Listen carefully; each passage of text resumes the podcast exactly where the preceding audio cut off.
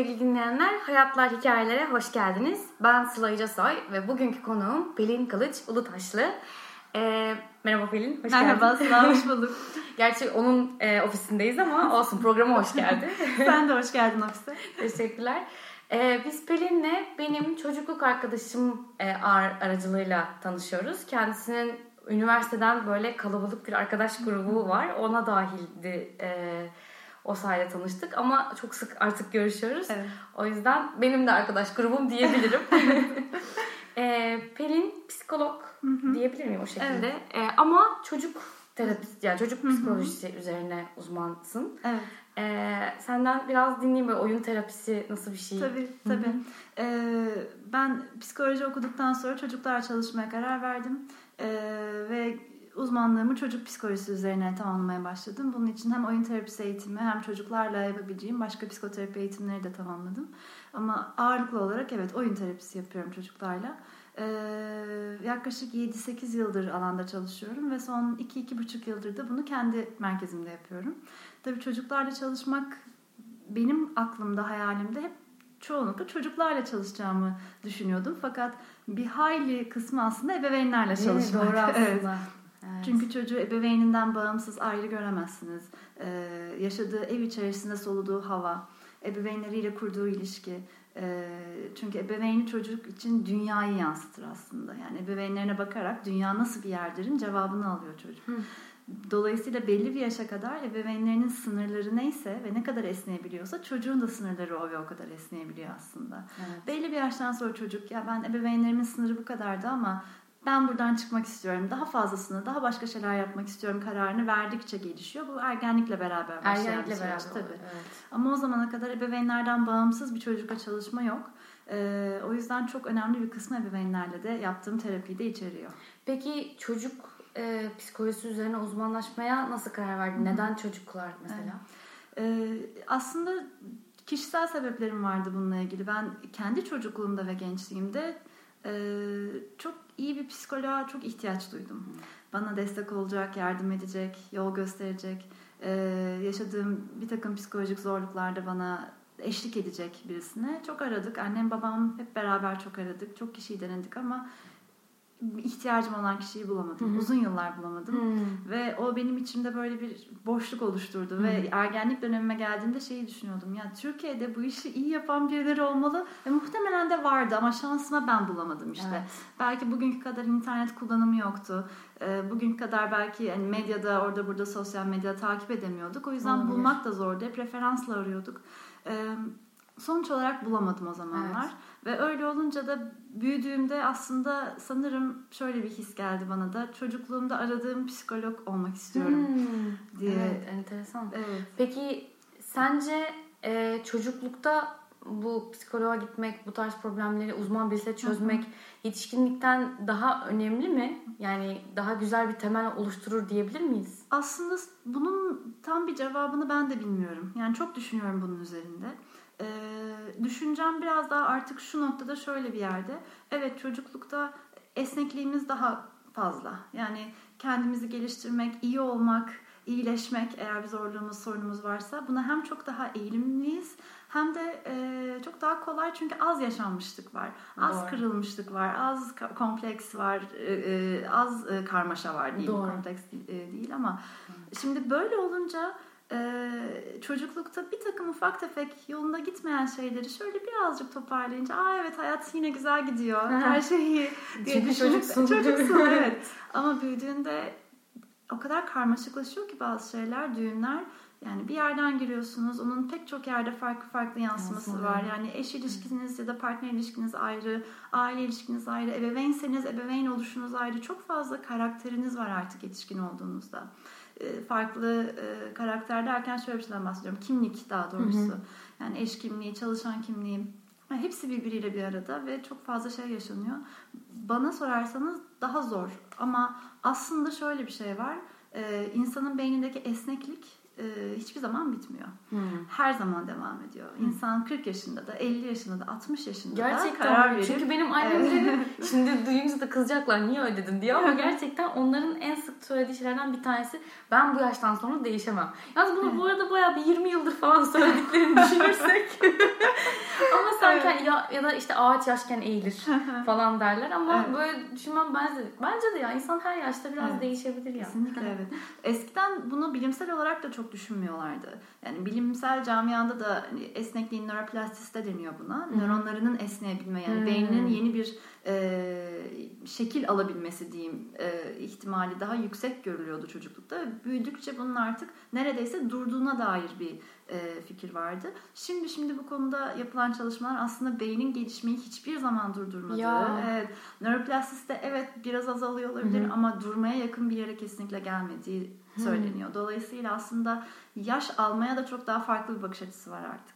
O zaman bizim değişmek dediğimiz, e, esnek olmak dediğimiz aslında çok da e, nasıl derler bayağı fiziksel de bir şey. Yani Tabii. nöro, hani Evet. nöronların esnekliği söz konusuysa eğer Evet. gerçekten hani yok ben değişemem o kadar da doğru değil. Yok nöronların değişebiliyor Aynen değil öyle. mi? Evet, yani organik olarak Organik mümkün, olarak evet. mümkün. Evet, Evet, peki öyle. oyun terapisi e, şimdi şöyle bir şey mi oluyor? E, çocuk sonuçta o kadar küçük yaşta bir çocuğu karşına oturtup da uzun uzun böyle işte ya o ne dedi, kim Hı hı. ne yaptı diye konuşmaktansa oyun Hı hı. esnasında bu daha mı kolay oluyor? Tabii. Hı. Oyuncaklar sembolik birer e, araç oluyorlar aslında. Çocuğun bir takım şeyleri ifade etmesine ve ortaya koymasına.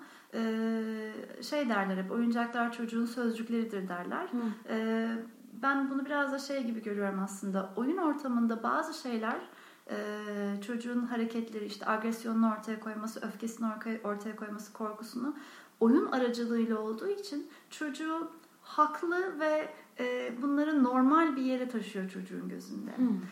Çocuğun bir şeyleri ifade edememesinin sözlü olarak altında hem beynin gelişiminde evet o kadar sözel ifadeye henüz yer verecek, bunu sağlayacak gelişimsel aşamaların kat edilmemiş olması var ama bir yandan da çocukların üzerinde bizim biz yetişkinlerin, onları büyüten yetişkinlerin e, onların duygu ve yoğun özellikle yoğun ve onları iyi hissettirmeyen duyguları üzerindeki yaklaşımımız çocukların bu duyguları biraz reddetmesine ve yabancı bir cisim gibi görmesine neden olabiliyor.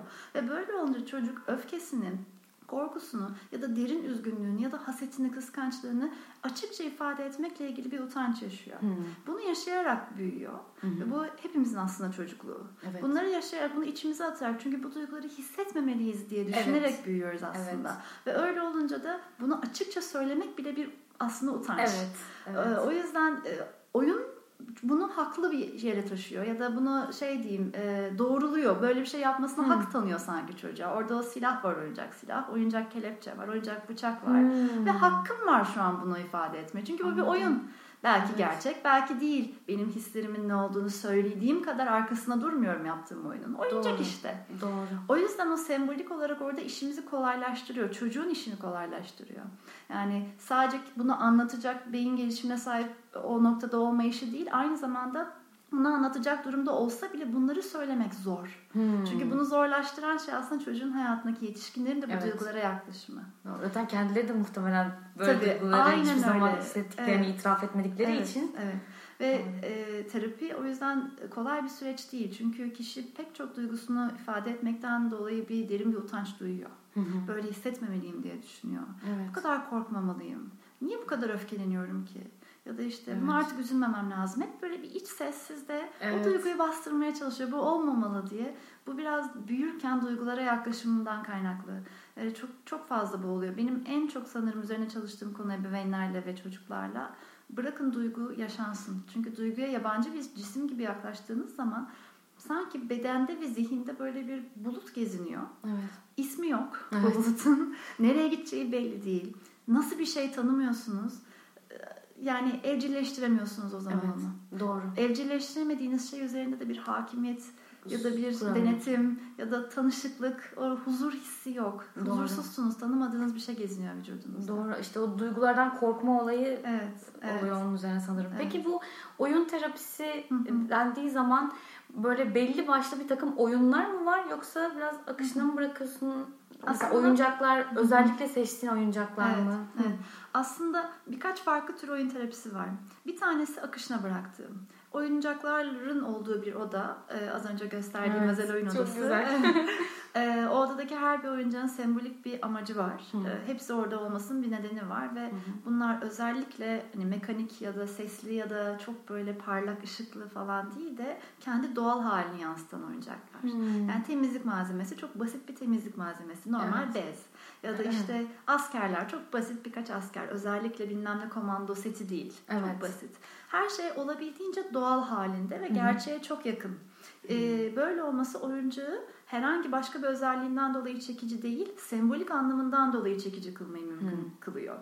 Hı. Ve öyle olunca siz çocukla oyun odasına girdiğinizde ve bu akışına bıraktığınız oyun terapisini yapıyorsanız eğer e, ki genellikle çocuğun bir şeyleri ifade edebilmesini istediğim ya da çocuğun biraz kendi sesini bulabilmesini, e, kendi duygularıyla tanışabilmesini hedeflediğim terapilerde genellikle bunu uygularım. Çocuk oyun odasına girer ve derim ki ona şimdi özel oyun saatimizde buradaki oyuncaklarla dilediğim pek çok şekilde oynayabiliriz. Hı. Ve çocuk bak bir şeyler yapmaya başlar. Kimisi olduğu yerde durur, etrafına bakar. Utanır, utanır muhtemelen. Evet. Ve kimisi oyuncaklara tek tek dokunmaya çalışır birazcık. Sonra sonra açılır. Kimisi direkt bir oyuncağa başlar ya. oynamaya. Hepsinin bambaşka bir tavrı olur. Ve bu tavır bana çok şey söyler. Hı.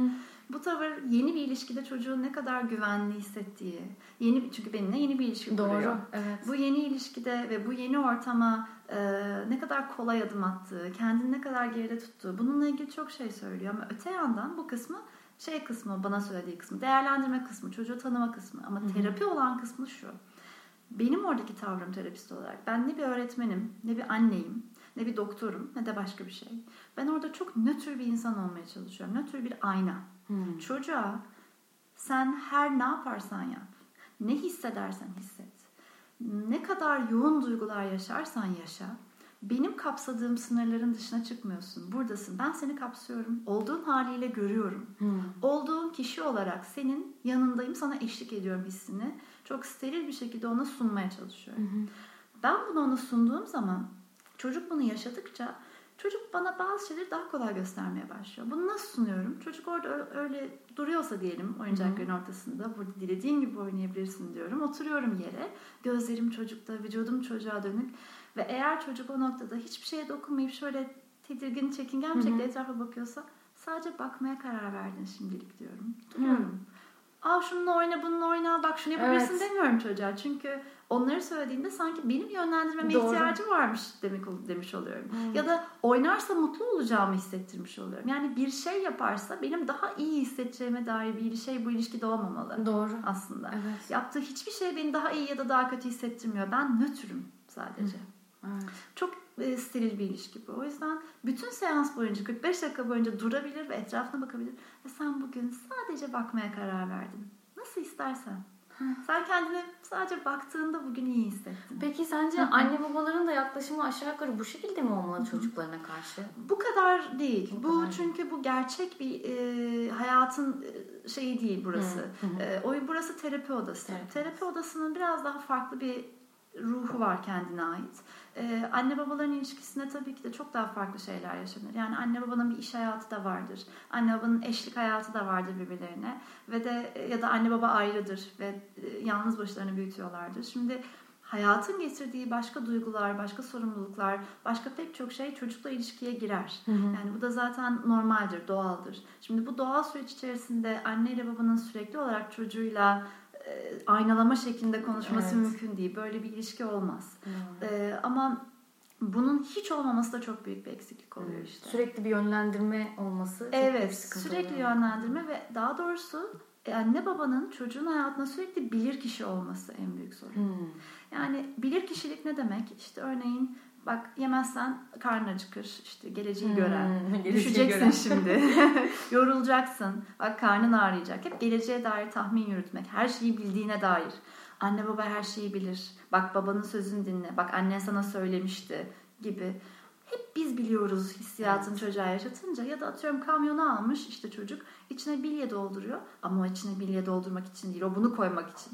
Her pek çok şeye yani Doğru, evet. E, pek çok evet. şeye yapıyoruz bunu ve bunu yaptığımız zaman çocuk kendi hayatını kendi deneyimiyle kendi hissi yani çok somut bir şekilde hissederek yaşamayı öğrenmiyor. Hmm. Deneyimlemeyi eksik yaşıyor çocuk. Ve böyle olunca ne sorunlar yaşıyor çocuklarda? Birbirine vurmaktan hiç çekinmeyen. Çünkü hislerini deneyimlemiyor ki çocuk. Sorumluluğu da kendi üzerine çok almıyor. Doğru. Yani vicdan azabı, rahatsızlık, empati bunlar kolay kolay gelişmez o çocuklarda. Çünkü çocuk kendi üzerine alıp deneyimlemeyi öğrenmiyor ki. Anne babası deneyimliyor onun yerine pek çok şey yani zaten. hata yapmıyor. Çünkü hata, öyle bir şansı yok evet, neredeyse. Hata yapıyorsa da zaten Hı-hı. fazla tepki gösteriliyorsa bile atıyorum evet. hata yaptığı zamanlarda o zaman da çocuk ebeveynlerine bir zaman sonra şöyle bir duvar örmeye başlıyor. Ya. Bla bla bla diye Hı-hı. geliyor kelimeler. Çünkü ilişki kayıp. Aslında Hı. ne olabilir? Çocuk diyelim koltuğa zıplamak istiyor. Hı hı. Ondan sonra ve siz o koltuğa zıplamasını istemiyorsunuz. Genellikle hı. ebeveynler ne yapıyorlar? Oğlum düşersin zıplama diye bağırıyorlar çocuğa. Evet. Yani ben biliyorum düşeceğini. Çocuk düşmeyeceğine dair bir kanıtlama yöntemine girmeye çalışıyor. Düştüğünde gururu kırılabiliyor. Ya, ya evet. da işte düşüyor ve annesi bak ben sana söylemiştim deyince çocuk ona sinirleniyor, öfkeleniyor. Doğru. Çocuk kendisi o düşmeyi deneyimlemiyor bile. Yani annesinin etrafında ya da babasının onun etrafında yarattığı o fanusta. Doğru. O da bir duygusal fanus aslında. Onun yerine sen zıplamak istiyorsun biraz. O çok enerjik hissediyorsun kendini. Bu koltuk zıplamak için değil ama gel sana içeride bir zıplayacağım bir yer yapalım. Hı. Şimdi bunu yapan kaç insan var? Yani. ya sen böyle anlattığın zaman bazen Facebook'taki yazılarını da ben takip ediyorum. Okuduğum zaman ya evet sanki Hani bu kadar kolay geliyor. Evet insanın evet. ilk aklına gelecek şeyler zaten bunlarmış gibi ama evet. ve niye böyle olmuyor niye o zaman? Niye böyle olmuyor evet. ama sonra düşünüyorum şimdi benim çocuğum yok ama evet. olduğu zaman da çok zor. Yani çok sakin bir insan olman lazım. Huzurlu bir insan olman lazım oldukça diye tahmin ediyorum. Yani çocuğun çünkü ne kadar seversen sev sonuçta başka dış etkenler var. İşinde stres olabilirsin, eşinde stres olabilirsin. O noktada çocuğa bu kadar böyle kontrollü kontrollü cevaplar çünkü evet. aslında bunlar. Yani de, bir yerden sonra otomatikleşiyordur ama evet. bilmiyorum. Evet. Aslında farkındalık önemli bir şey. Çoğu insan bu e, ebeveynlik stillerinin çocukları üzerindeki etkilerinin çok farkında olmuyorlar. Hmm. Bir de bizim alıştığımız bir şey bu. Nesiller arası aktarılan bir ebeveynlik Tabii. tarzı. E, yani çocuğa şöyle bir sesini yükseltirsin. Tabii. Hayır olmaz diye sert söylersin. Hani pek çoğumuz bunları duyduk ve bunları Aynen. biliyoruz. Böyle olduğu zaman bizim otomatik içimizden gelene aykırı benim öğretmeye çalıştığım ya da öğretmek demeyeyim şimdi o da çok doğru bir kelime Tavsiye değil ama. Ettiğin. Evet yani evet. uygulamaya çalıştığım. Hı hı. Ee, biraz aykırı geliyor. O yüzden dediğin gibi ilk başta kontrollü. Çünkü nasıl gitar çalmayı öğrenirken ilk başta parmakların üzerindeki kontrolü arttırmaya çalışırsın. Evet. Yeni bir şey öğrenmek, dil, Doğru. yeni bir dil öğrenirken de bu aslında robot olmakla ilgili bir şey değil. Bu bazı insanlar ya ben hissetmediğim robotik bir sese giriyorum bunları söylediğimde diyorlar. Ya. Ve İngilizceyi ilk konuşmaya başladığınızda da benzer şeyi hissediyordunuz ama. Doğru. Yeni öğrendiğin evet. her şeyde bunu hissedersin. Araba kullanırken ilk oturduğunda boynun tutulur neredeyse gerginlikten. Böyledir Doğru. yeni bir şey öğrenmek. Doğru. Ve burada aslında önemli olan şey şu. Farkındalık. Bu insanların biliş, bilişsel, bilinçli bir verdiği bir karara dönüşmesi bunun. Yani ben bugün çocuğumla ilişkimi şu şekilde kurgularsam eğer bunun sonuçları şunlar şunlar şunlar olabilir. Hmm. Eğer şunu yapmayı denersem en azından bunun sonuçları şunlar şunlar olabilir. Güzel. Ben bu kararı kendim vereyim. Hı hı. Ki çocuğum ergenlik dönemine geldiğinde ya da yetişkin olduğunda bana ebeveyni olarak nasıl davranacağını şimdiden aslında az çok belirliyorum. Çünkü benimle görüşmeyi o seçecek o günler geldiğinde. Aynen öyle. Evet. ya da benimle hadi görüştü diyelim benimle gerçekten derin bir ilişkiyi sürdürmeyi o seçecek. Doğru. Göstermelik olup olmamasını o seçecek. Dolayısıyla bunun bugün verdiği bir karar olduğunu farkına vardığı zaman ebeveynler en azından şunu sağlamış oluyoruz. 10 yıl sonra çocuğu tekrar terapiye gittiğinde ergen olduğunda ve ebeveynlerle görüşme yapıldığında oturup ya biz nerede hata yaptık diye ağlamamalarını en azından sağlıyorsunuz. Çünkü Doğru. evet bunu ben seçtim diyor. Doğru. Ve bu farkındalık aslında her şeydir. Peki o kadar uzun süreli oluyor mu? Sanki çocuklarda daha hızlı cevap alınırmış evet. gibi değil mi? Tabii. Yani. Genellikle daha hızlı cevap alıyoruz. O biraz da bir duruma çok bağlı. E, ya da ebeveynlerin ne kadar terapiye ihtiyacı olduğuna çok bağlı. Hı. Şimdi birkaç farklı durum var. Bir tanesi ebeveynler kendi ruhsal sağlıkları iyi. Evet. E, işte hani hayatlarında bir takım stresler hepimizde olduğu kadar var ama ebeveynlik kimliğini diğer kimliklerinden ayrı tutabilmek. Hı. Bu bir regülasyon becerisi aslında. Hı. Yani işteki kimliğimi işte bırakıp eve geldiğimde ben olarak hayata devam edebilmek bu önemli bir regülasyon. Bunu yapmakta zorlanan insanın biraz kişisel bir desteğe ihtiyacı var. Çok patolojik boyutta değil ama ufak bir destek. Hı hı. Eğer burada yaptığımız çalışma ona o desteği sunarsa evet birkaç seans içinde diyebiliyor ki ben ebeveyn olarak işimi ya da eşimle aramdaki ilişkiyi çocuğumu taşımama kararını bilinçli olarak verdim. Bunun üzerine çalışıyorum diyor süper. Hı hı. O zaman benim burada çocukla yaptığım şeyler ve ebeveynlerle yaptığım çalışma dediğin gibi belki 3-4 seansta bile bazen çözdüğümüz oluyor. Hı hı. Çok hı önemli olduğunu düşündüğüm ve çıkmaz olduğunu zannettiğin durumları bile ya. bazen o kadar seansta çözebiliyoruz. Ama bu kişinin ne kadar e, bu adımları atmaya hazır, hazır olduğuna evet. çok bağlı. Anladım. Ama eğer ebeveynin bu söylediğimden çok daha uzun, daha e, biraz daha karmaşık bir e, süreç yaşıyorsa kendi içinde belki eş ilişkisi belki kişisel evet. dünyası e, hani konuşmanın başında şeyi söylemiştik ya çocuğun sınırları belli bir yaşa kadar ebeveynlerin sınırları evet. kadardır. Babanın ya da annenin kendi mutsuzlukları, kendi kırgınlıkları, kendi korkuları çocuklarının da aslında kızgınlıkları, korkuları ve üzgünlükleri Hı. oluyor. Çocuk bunun farkında olmuyor. Hı hı. Yani bir çocuk annesinden daha mutlu olamıyor biraz belli bir yaşa kadar aslında geneline baktığında. Doğru. Bu mantıklı. çok enteresan bir şey. Evet. evet. Ya da babasının yapamadığı öfke yönetimini çocuk yapamıyor. Çünkü bir noktada şimdi iki farklı bakış açısı var. Biri daha davranışçı. Çocuğun e, babasını ya da annesini zorlu durumlara nasıl baş ettiğini modellediği yani o davranışı davranışa bakarak öğrendiği örnek üzerine. oldu. Örnek oldu. Evet. Aynen öyle. Bu biraz daha daha kolay bir e, şey aslında hani anlatması da fark etmesi de. Bir diğeri biraz daha psikanalitik bir yaklaşım. Ve bilinç altında aslında sen Çocuk olduğun için ve annen baban senin dünyan oldukları için ve seni kapsamalarına ihtiyacın olduğu için yani senin kümenin onların kümesinden daha büyük olmasını istemezsin çocuk olarak aslında. Evet. Onlar hep senden biraz daha büyük olsun kümede ki sen orada rahat rahat takıl. Bir de güven belki. Aynen evet, öyle. Güven içinde hissetmek için. Aynen öyle Hı-hı. ve öyle olunca çocuk bilinç altında aslında gizli bir anlaşma yapıyor Hı-hı. ve şöyle bir anlaşma bu. Annemin iyi olduğu kadar iyi olayım ki anneme ihanet etmeyeyim. Ya. Annemi terk etmeyeyim. bu hiçbirimizin bilinçli yaptığı bir şey değil Tabii. ama bu bilinçaltı süreci.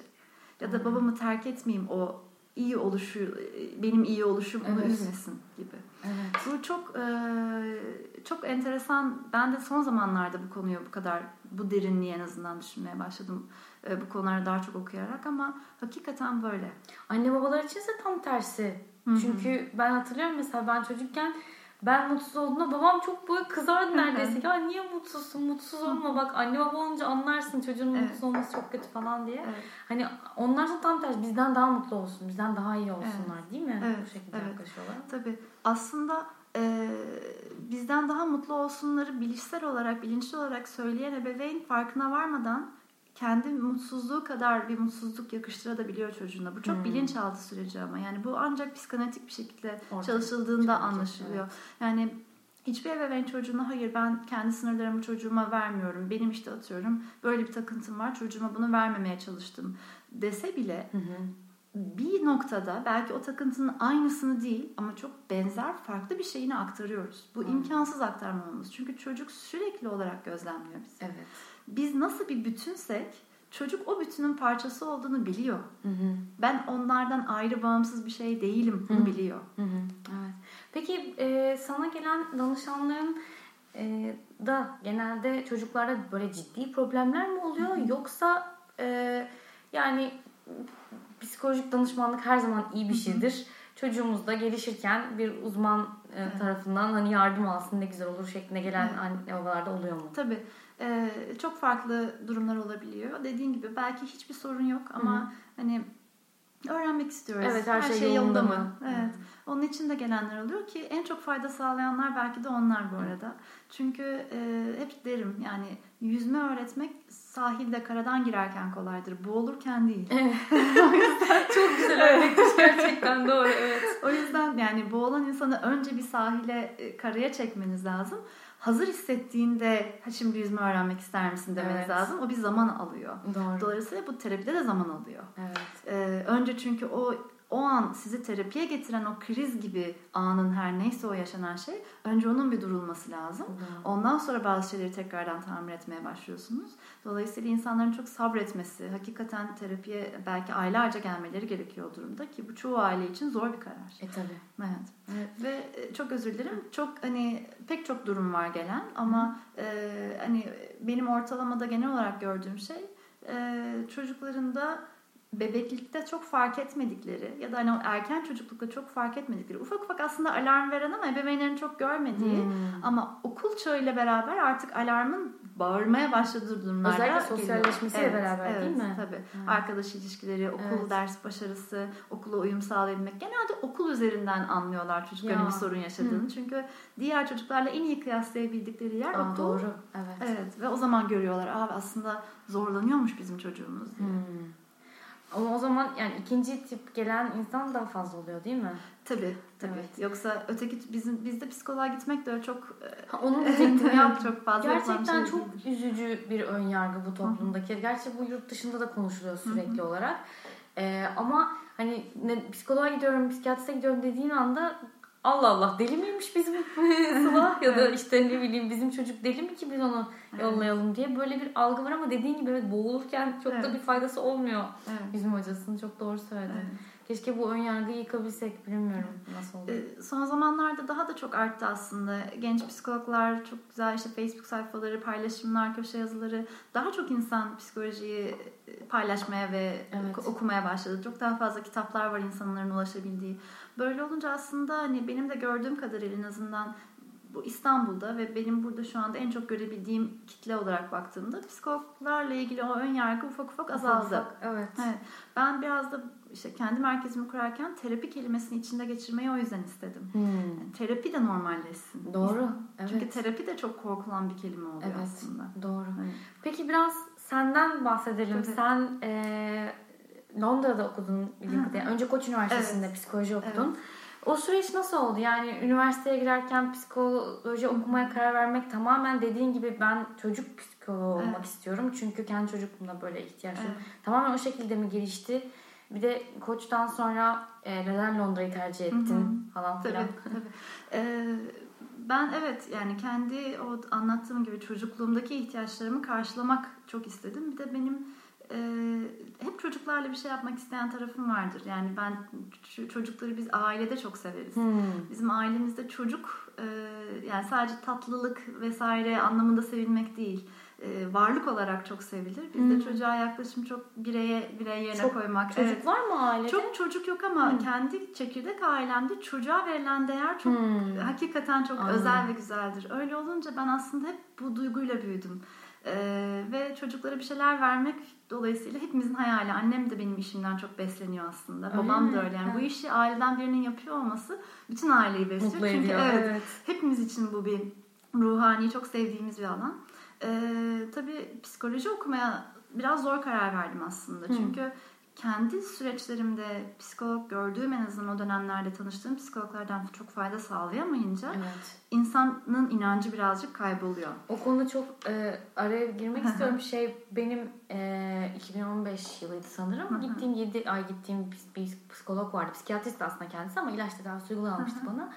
Ve yani inanılmaz iyi anlaşmıştık ve Harika. gerçekten hayatımı değiştirdi. Çok fazla soru vardı kafamda onların hepsini çözmeme yardım etti vesaire. Hı hı. Ve kime anlattıysam herkes ne kadar şanslısın dedi bana. Hı-hı. Böyle birini bulmak sanırım gerçekten büyük evet. nimet. Evet, e, kesinlikle Anlaşabildiğim birini bulmak. Kesinlikle öyle. Ve yani çok fazla da yok e, iyi terapistte hakikaten. E, ve de şöyle bir durum oldu.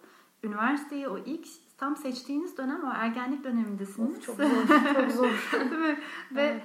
E, şeyi zor görüyorsunuz. Yani e, evet ben tanışamadım ama iyi bir biri olabilirim Olabilir umudunu aslında. zor görüyorsunuz. Yani hmm. bazı günler hissediyorsunuz, bazı günler hissetmiyorsunuz. Ee, tercih yaptığım dönem hissettiğim günlere denk geldi. İyi, çok iyi. Şu an birçok çocuk evet. için çok iyi bir denk düşme olmuş. Onu yapmasaydım tasarım okumak istiyordum aslında. Ya. Bambaşka bir alana gidecektim. Yani. Benden olacaktım. Evet, evet aynen öyle. Senin evet. meslektaş olacaktık. Evet. Ve de e, onu seçtim. Ve üniversiteye girdiğimde aslında benim e, çok uzun süre psikolog ihtiyacı duyduğumu kendimce sebeplerimin e, hala baş gösterdiği zamanlardı. Hmm. Yani ben üniversitenin ilk yılında daha henüz kendi psikolojik zorluklarımı çözümleyebilmiş değildim. Hmm. E, o yüzden üniversitenin ilk yılında bile ben bunu okuyorum ama yani bu mesleği yapıp yapmayacağım konusunda çok hmm. emin değilim. Bir örnek yok önümde e, evet. diye çok düşünüyordum. Bir de bizim koçtan mezun olan herkes illa bu alanda, klinik alanda çalışmıyorlar.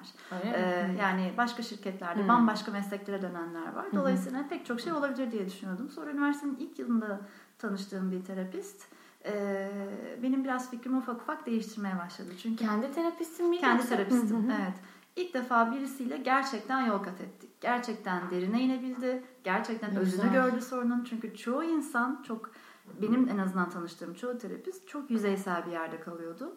Ve gerçek derini sanki görse bile Hı-hı. ya söylemeye mi çekiniyordu ya. bir şey var açmıyordu orayı. Burayı halledemem diye düşündüğünü çok hissediyordum. Enteresan. Evet. Mesela benim terapi sürecimde benim Hı-hı. çok fazla yani terapistim olmadı. Hı-hı. Bir kişi diyebilirim hatta e, gerçek anlamda ama Hı-hı. Tam tersi böyle ben bir şeyden konuşmaya çekiniyorsam ha orada bir şey, şey var deyip oraya evet. böyle kancayı takıyordu. Yani evet. O gün olmasa bile bir sonraki gün hani Bilmiyorum belki de hangisi doğru yaklaşım tabii ben bilemem ama bende işe yarıyordu işe en azından. Evet. Ee, ve böyle olunca ben o üniversitenin ilk yılı o kişiyle tanıştıktan sonra biraz daha ümidim arttı. Hı hı. Ve o dönemler kendim de e, ben liseden aslında ortaokul ve daha küçük günden beri de dans ediyordum. Ve üniversitede modern dans diye bir şeyle tanıştım ve o dönem enteresan bir şekilde çok basit bir hobi gibi geliyor yani yan dal. Yani evet. Modern dans. Modern dans benim bedenime olan güvenimi ve sınırlarımın ne kadar genişleyebileceğine olan inancımı çok arttırdı. Hı. Ve o benim için böyle terapiyle ilgili çok önemli bir ders oldu. Çok enteresan bir şey söylemek Hı-hı. istiyorum burada. E, ikinci programımın konu da Hı-hı. psikolog e, İdil Kavukçu Almanya'da yaşıyor. O aynı zamanda çok fazla spor yapıyor ve işte besin danışmanlığı Hı-hı. vesaire veriyor. E, o da çok benzer bir şey söyledi. Bu hastalarımla görüşürken hep Hı-hı. yürüyüşlere çıkmayı tercih ediyorum. Çünkü Hı-hı. dedi hani birçok hastamın kendi sorunlarla mücadele esnasında bedenleriyle ilişkilerini kaybettiklerini fark Hı-hı. ediyorum dedi. O da aynı evet. şeyin önemini vurgulamıştı. Evet. O yüzden sen de söyleyince evet. ve benim kendi yaşadığım psikolojik zorluklar da çok bedensel bir şeydi e, anksiyete başlığı altındaydı aslında. Ama bu arada anksiyete çok kısa tabii, açıklayabilir misin? Tabii Bölüyorum sürekli tabii, ama tabii. böyle heyecanlıyım. anksiyete kaygı evet. demek aslında. Kaygı bozukluğu. Yani e, hani nasıl az önce konuşurken şeyden bahsettik. Çocuklarda bazı duyguların adlanan adlan e, ne, ne denir? Birisi tarafından adlandırılmadığı için e, çocuk ona bir tanışıklık geliştiremiyor evet. ve o böyle bir yabancı bir cisim gibi geziyor. Evet. Bunu kaygı olarak görelim şimdi. Hı hı. Kaygı duygusu vücudunuzda, bedeninizde, zihninizde geziniyor. Ve siz bunu tam kontrol altına alamıyorsunuz. Sanki o sizi kontrol ediyor gibi. evet, evet. Ve sanki sizden daha geniş, daha büyük, daha kuvvetli. Ve o duygu ortaya çıktığında ki bazen rastgele anlarda çıkabiliyor. Bazen bir şey tetikleyebiliyor. Bildiğiniz bir şey de olabiliyor. Evet. Ve o tetiklendikten sonra onun üzerinde onu durdurabilme, onu durdurma demeyeyim ama en azından kontrol altına alabilme e, o hükmü, o denetimi hissedemiyorsunuz kendinizde. Sanki o sizi kontrol ediyor. Yani ne yapıyor? E, kalbiniz çok hızlı çarpıyor evet. ve sakinleştiremiyorsunuz bunu. Nefesiniz daralıyor, kontrolünüz yokmuş gibi. Belki de sizi bayıltacak kadar etkileyebiliyor Hı-hı. vücudunuzu. Yani bedeninizi sanki sizden daha iyi kontrol ediyor. E, o duygu ve sanki bir düşmanınız. Evet çok kötü bir his gerçekten. Evet, evet yani böyle çok e, kara ve yani çok bulutlu bir histir. Beyin sanki ve bir anda e, şey olur bir perde iner gözlerinizin Başkasının önünde. kontrolüne geçmiş Aynen öyle. Kaygı bozukluğu böyle bir şey ve tabii e, en önemli basamağı terapide şeyi fark etmek yani belli bir tetiğin var mı? Önce o tetik üzerinde çünkü çalışman lazım. Rastgele anlarda geliyorsa ve tetik Hı-hı. çok da bulmak kolay değilse mutlaka ilaç tedavisi gerekiyor. Hmm. Psikiyatristsiz onun tedavisini o şekilde yapamazsınız. Hmm. Çünkü rastgele anlarda gelen kaygıyı kontrol etmeyi terapide de başaramadıkça ümidinizi kaybedersiniz. Doğru. Bu sefer iyice düşersiniz. Doğru. Evet, evet. doğru. Ee, ve böyle bir kaygı bozukluğu çok sanırım yaklaşık 10-15 yıldan bununla uğraştım. Ya. Ee, rastgele dediğimiz mi? E, çok rastgele değildi Hı-hı. ama bir zaman sonra rastgeleye döndü. İlk başında Hı-hı. öyle değildi ama şimdi şöyle bir şey var. Belli bir şey tetiklediği zaman e, vücudunuz o tetiği yaşadıkça o kaygıyı başka bir an ya kaygılanırsam diye kaygılanmaya Evet, başlıyorsunuz. Doğru ama çünkü fiziksel Evet. etkilerini gördünüz. Yani Tabii. normal bir ortamda bir arkadaş ortamında bir anda kalbin hızlanmaya Evet. başlarsa. Aynen öyle. Ve aslında oradan sonra da rastgele dönmüş oluyor. Daha kompleks bir hale gelmiş oluyor. Evet. Ee, ve tabii ki de ilaç ya da gerçek ciddi bir terapi olmadan onu atlatmak zor. O dönem tanıştığım terapist bana ufak ufak yardımcı olabilmeye başladı ilk defa. Çünkü gerçekten bunun altındaki sebepleri konuşabilmeye başladı benimle. Ve ben ne söylersem söyleyeyim onu yıkmayacağımı bildim. Ve bu çok önemli bir güven. Evet. Yani o kişinin sınırları sizin sınırlarınızdan darsa eğer terapistinizin açamazsınız sınırlarınızı. Bir yerler kalır arkada. O kişinin sınırlarının ne kadar geniş olduğunu, ne kadar şeyi duyabileceğini, görebileceğini anlamanız gerekiyor. Aynı şey çocuklar için de geçerli işte odada. Odada ne yaparsa yapsın. İsterse alsın silahı başına dayasın. Ben hiçbir koşulda kendimi kaybetmeyeceğim. Hı. Bunu çocuğun görmesini istiyorum. O yüzden o silah orada. O yüzden çocuğu tetikleyebilecek bütün sembolik oyuncaklar orada. Anladım. Tetiklen ve benim bundan dolayı kafayı yemediğimi gör. Evet. evet. Aynen. Sınırlarımı anla. Ben her şeyi kollarıma alabilirim. Çocuğa bu hissi yaşatmaya çalışıyoruz hı. orada aslında. Evet. Ee, dans diyordun. Ha evet evet. Dans o dönem e, benim için bir terapi gibi oldu modern dans. Çünkü bedenimin o kaygının hakim olduğunu düşündüğüm anlarda bile hayır benim bedenimin hakimiyeti çok kuvvetli. Ellerim şunları yapabiliyor. Kafam bunu yapabiliyor. ya da pek çok farklı sınırlarım aslında çok daha genişmiş. Aa, gibi düşünceler gelmeye başladı ve tabii ki de bir bedensel rahatlama. Evet. Yani çünkü özellikle modern dans gibi bir koreografi öğrenmediğiniz yani Evet. modern dansta şey yaparsınız. Daha doğaçlama mı? Daha doğaçlama Hı. gider. Vücudunu dinlemeyi öğrenirsin. Hı. Yerde yatarsın. İyice rahatlamayı öğrenirsin. Bütün vücudunu yere bırakabilmeyi. Sonra ufak ufak gelen hareketi takip edip ha parmaklarımı oynatmak istiyorum. Ha omzum hareket ediyor. Aa başım. Vücudunda gezinen o e, akımı Hı. yaşamayı ve duymayı aslında öğreniyorsun. Ve böyle olunca da denetimin artıyor vücudun üzerinde. Ve o dönem benim için inanılmaz terapötik bir etkisi oldu modern dansın. Hakikaten gerçek anlamda bir terapiydi. Yani ben terapistime de gidiyordum ama modern dansı hiç bırakmadım o dönem. Ve onunla birlikte üniversitenin artık ikinci, üçüncü yılında şey gibi hissetmeye başladım. Evet kaygı diye bir şey var Hı hı. ama yanımda bir çantada taşıyorum onu. Hı. Ve çanta bende. Ben Ve- evet, elimde. ben elimde. evet. Ve öyle herhangi bir anda çantayı kırıp çıkmayacak. O Hı hı. orada. Evet. Anladım. Ve bunu hissetmenin getirdiği bir rahatlık e, ve artık ufak ufak kontrol altına alabiliyorum düşüncesi. Ve üniversite bitti. Londra'ya e, gitmem ve üniversiteyi bitirmem arasında bir biraz zaman var. O zaman Hı. içerisinde başka pek çok şeyde de çalıştım ama Londra'ya gittiğimde artık biliyordum ki ben hem bu modern dansın bana yaşattığı beden rahatlamasının terapi tekniğini neyse onu öğreneceğim. Aa, anladım. Evet. Hem e, o terapistin bana sağladığı o sınırlar, alan, buraya akıtabilirsin ruhu neyse o terapiyi öğreneceğim. Hı hı. E, ve çocuklara bunu yapmayı öğreneceğim. Şimdi o terapist yetişkin terapist olduğu için başkaydı. Evet. Çocukla bunun yöntemi oyun terapisiydi işte. Hmm. O yüzden gittiğim okulda oyun terapisi, sanat terapisi, dans terapisi gibi alanların olduğu bir okuldu. O yüzden orayı seçtim. Anladım. Ve Dans orada- terapisine evet. mesela. Evet. Dans terapisinin biraz orada giriş derslerini aldım Hı hı. ufak ufak. Ee, ve hakikaten çok etkilendiğim şeyler yaşadım ama asıl etkilendiğim kısmı burada Türkiye'de Bilgi Üniversitesi'nde Marsha Plevin diye bir dans terapistinin verdiği bir eğitim vardı. Ona katılmak oldu.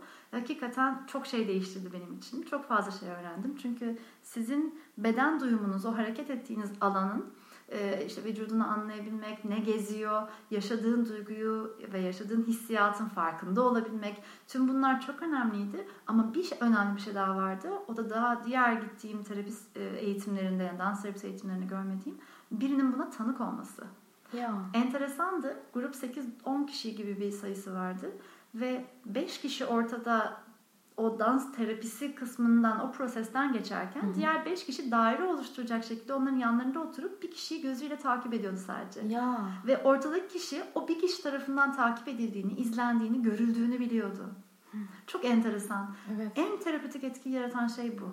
Birinin senin yaptığın en ufak hareketi izlediğini, gördüğünü, olduğu haliyle gördüğünü hissetmek. Daha çok stres yaratmıyor mu? Enteresan. Stres yaratan şey o kişinin bu gördüğü e, sürece ekleyeceği, kendinden yükleyeceği hiç de nötr olmayan kişisel süreçler, Hı, aktarımlardır. Yani işte beğenmemek, Evet. çirkin bulmak, birine benzetmek, Aynen. ayıplamak bunlar onun süreçleri. Ama biz oradaki terapist oluşumuzla ve de aslında oradaki ortam bizlere o nötr bakışı ve berraklığı biraz da sağladıktan sonra tabii bu kısmı başlattı. Evet. Ee, oranın sağladığı o berraklık ve nötrlük içerisinde şansla benim tanıklarım da hep hakikaten berrak bir görüşe sahip oldular. Gözlerini açtığında sen yaptığın hareketlerden ya da vücudun her ne yapmasını istediyse onu yaptıktan sonra karşılıklı oturuyordun onunla yerde ve herhangi bir zorunluluk içerisinde değil ama o kişi senin hareketlerinin ona ne hissettirdiğini, neler gördüğünü, seninle ilgili neler fark ettiğini sana anlatıyordu. Hı. Bir şeylerden korunmaya çalıştığını hissettim diyordu. Böyle bir hareket yaptın çok fazla. Ve sıklıkla kafanı şöyle bir şey yapıyordun. Sanki böyle aklına gelen bir düşünceyi kovmak ister gibi Hı. gibi. Kendi hissettiklerini. Tabii burada şimdi asıl terapisti terapist yapan şey şu zaten. Hissettiğiniz şeyin nötr ve berrak olması lazım. İşte olay orada Hmm. aslında. Yani ne terapi tekniği uyguladığınız, ne öğrendiğinizden çok sizin görüşünüzün ne kadar net olduğu önemli. Çünkü bir çocuğun da bana hissettirdiği şeyin benim kendi çocukluğum ya da yeğenim ya da işte tanıdığım başka bir çocuk falan gibi ya da anne babasıyla ilgili hislerim gibi şeyleri devreye sokmuyor olması lazım. Hmm, evet. Ben o çocukla ilgili bir şey hissettiğimde bilmeliyim ki ben tamamen terapist kimliğimle onu hissediyorum. Evet. O yüzden o aktarım odur terapide aktarım zaten. Hmm. Ee, ve evet terapistin sürece ne aktardığı çok önemli senin iyileşme sürecinle ilgili aslında. Anladım. Evet. Ve dans terapisti öyle bir şeydi. Ve çocuklarla bunu şu an tabii çocuklarla çok sık kullanamıyorum. Çocukla yapabileceğiniz bir çalışma değil bu. Biraz daha ergenlikle beraber olabilecek bir şey Hı hı. ama çocuklarla bedenlerini rahatlatmak üzere meditasyon yapıyorum ara Hı. sıra. Evet yani panik ve kaygı bozukluğu yaşayan çocuklarla çok işe yarıyor. Anladım. Evet. Ee, bayağıdır konuşturuyorum. Seni bir taraftan yormaktan da korkuyorum ama e, son bir sorum olsun hadi. Ee, sen daha en başında e, konuşmanın şeyi söyledin işte bu çocuklarla terapi yapmanın esas büyük bir kısmı yetişkinlerle olan Evet. kısmı diye. E, burada ne tip zorluklar yaşadın? Şimdi benim aklıma bir iki tane fikir gel- geliyor. Hani velilerle Evet. yaşanabilecek zorluklara dair ama biraz Evet. senden Tabii. duymak istiyorum. Şöyle bir şey oluyor. Şimdi iki türlü zorluk e, yaşıyorum. Birincisi tabii ki de ebeveynin kendi sınırları ile ilgili. Yani çocuğun olmadığı seansta ebeveynle konuşurken onun ne kadar e, gelişmeye açık olduğu ile ilgili bir zorluk olabiliyor. Ama bir de çocuğu etkileyen bir zorluk kısmı var. O da şu. Mesela ebeveyn ve çocuk geliyorlar merkeze ve bekleme odasında bekliyorlar. Ve ben içeride seansımdayım. Ve çocuk bu ortama girdiğinde aslında burası artık bir terapi merkezi. Ve buranın havasını ufak ufak solumaya başlasın istiyorum. Evet. Ama mesela ebeveynin şöyle bir şey yaptığına bazen işte şahit oluyorum. İşte çocuk diyelim çocuklar için gördün bekleme köşesi yaptık Evet. orada. Çok belli ki çocuk beklerken kitaplara baksın, oyuncaklar Evet. oynasın. Serbestçe oynasın istiyoruz. Ve çocuk oradaki kitaplara yaklaşıyor ve annesi izin aldın mı abladan diyor Ya. örneğin. Ya da halbuki hiç izin almasına gerek olacak bir ortam olmadı. Çok belli Evet. çünkü benim evimde değiliz. E, evet. Özel bir yerde değiliz. Evet. Çocuk için orası bekleme köşesi. Çok belli. Mesela bu ve bunun gibi başka diyelim ben çocuğu karşılamaya gidiyorum ve anne babanın bak Pelin ablası pembe tokasını taktı. Çok güzel olmuş değil mi? Aa. ve bu ne demek? Eğer ben orada o diyaloğun içine girsem ve çocuğa evet çok güzel olmuşsun desem ne demiş oluyorum biliyor musunuz çocuğa? Benim seni Beğenmem için için senin böyle şeyler Yapman, işte lazım. Güzel gözükmen senin lazım. özünü görmek gibi bir derdim yok. Ben senin Evet. güzelliğine bakıyorum orada. Evet. Ve orada genellikle böyle şeyler söylediklerinde çocuğa eğilip diyorum ki bunu sen mi seçtin? Eğer evet diyorsa bugün sen bunu takmayı seçtin. Pembe tokalarını takmayı. Genellikle içimizden nedense buna çok güzel olmuş demek Evet, eklemek istiyoruz. evet, Sanki hemen. bu lazım. Kibar Evet, olmam lazımmış evet. gibi. Bu bizim kendi derdimiz. Çocuğa karşı kibar olmanız gerekmiyor. Çocuk sadece yaptığı seçimin görülmesini ister. Bunu sen seçtin. Aa, Sen bugün bunları giymeyi seçtin. Hadi gel şimdi oyunumuzu oynayalım. Ne dersin? Haydi bakalım. Çünkü önemli olan orası aslında benim Doğru, için. evet. İstersen pijamalarınla gel. Yani evet doğru. ben senin olduğun haline görmek için buradayım. Ya da işte buradan çıkıyorlar diyelim ki evde Hı hı. yemeğini yemezsen Pelin ablaya gidemeyiz diyen ebeveynler oluyor. Şimdi zorluklar biraz bunlar da var. Evet, Çünkü benim çocukla ilişkim aslında evde devam ettiren bir anne baba da olabiliyor bazen. O Doğru. yüzden biz süreçte bunları da çok konuşuyoruz. Yani beni çok nötr bir yere koymaları ve burayı Evet. e, da fayda var ve de evet dediğin gibi ben ebeveynlerle çalışırken biraz da aslında sanırım yaşadığım en büyük zorluk da şu psikoloğa geldikleri için ve ben çocuğu yalnız başına da gördüğüm için Evet. Siz çözün sorunu. Ya. Odadasınız işte. Çocukla ben de konuşuyorsunuz. tam tersi Evet. sanki böyle sana çok karışıyorlarmış gibi. O sizin koyacağınız Düşündüm. sınırlara ve hakimiyetinize bağlı. Sizin işinize karışma ihtiyacın insanlar sizi yeterince hakim hissetmezlerse Hmm. yaparlar. Ya da sizi test ederler ne kadar hakimsiniz Hmm. diye. Ee, oradaki o onu eğer ben bütün bunları kapsıyorum hissettirirseniz ki gerçekten kapsarsanız bunu hissettirebilirsiniz. Evet. O zaman insanlar bu konuda hani zaten karışmak isteseler bile ben bunu terapinin bir parçası yaparım ve derim ki bununla ilgili sizin endişeleriniz var bu yaptıklarımla ilgili ve başka şeylerin olması gerektiğini düşünüyorsunuz. Biraz bunu konuşalım. Evet. Acaba o nereye gidecek çünkü? Hadi bakalım. Evet. evet. Yani ya da belki de pek çok şeyi kontrol etme ihtiyacı var. Benim yaptığım şeyleri bile. Genelde o var çünkü sanırım benim gördüğüm kadarıyla. Yani böyle anneler, çocuk babalar da tabii Evet. çocuklarıyla ilgili her şeyi kontrol etsin. Okul ortamını kontrol etsin. Evet. İşte psikoloğu kontrol etsin. Bundan çok gizli ve haz alıyoruz çünkü. Çünkü hayatta kontrol edebildiğimiz çok az şey var. Evet çok güzel söyledin. Evet. Kesinlikle çok mantıklı. Ve çocuk kontrol edilmeye çok açık. Doğru. Ve kontrol ettiğinizde buna çok yanıt veriyor ve bundan ufak bir haz alıyoruz. Aslında geleceği görmekten de haz alıyoruz. E tabii. Yani düşeceksin demenin ve çocuğun düşmesinin verdiği bir haz var. Hah bak düşeceksin Evet. dedim düştü. Doğru. Çünkü onun dışındaki hayat çok kontrolümüz dışında gidiyor gibi geliyor. Yani Doğru. hayatımızı bile kaybedebiliriz her an. Bir yetkinlik hissi. Yetkinlik hissi. sanırım. Aynen Evet. öyle. Evet. Peki çok teşekkür ederim. Rica çok yordum seni. Sorularımla böyle tam böyle 45 dakikadır anlattırıyorum Evet. yazı sana. Gerçekten çok keyif aldım. ben çok de öyle. Aynı ederim. demek ben teşekkür ederim. Çok enteresandı. Hala daha bir sürü sorum var ama Evet. artık bir sonraki bölüme sana da yazık zaten. Artık danışanlarım da yavaş Evet, yavaş gelmeye gerçekten. başlar. Evet. O zaman e, tekrar teşekkür ediyorum. Ben de çok teşekkür ederim. üzere Görüşmek üzere. Hoşçakal. Evet sevgili dinleyenler, Hayatlar Hikayelerin dördüncü bölümünün sonuna geldik. Dinlediğiniz için çok teşekkürler. Podcastimle ve konuklarla ilgili bilgi ve fotoğraflara Hayatlar Hikayeler isimli Instagram hesabından ulaşabilirsiniz. Yorum yazın, soru sorun ve tabii ki takip etmeyi unutmayın. Haftaya çarşamba bir sonraki bölümde görüşmek üzere. Herkese sevgiler.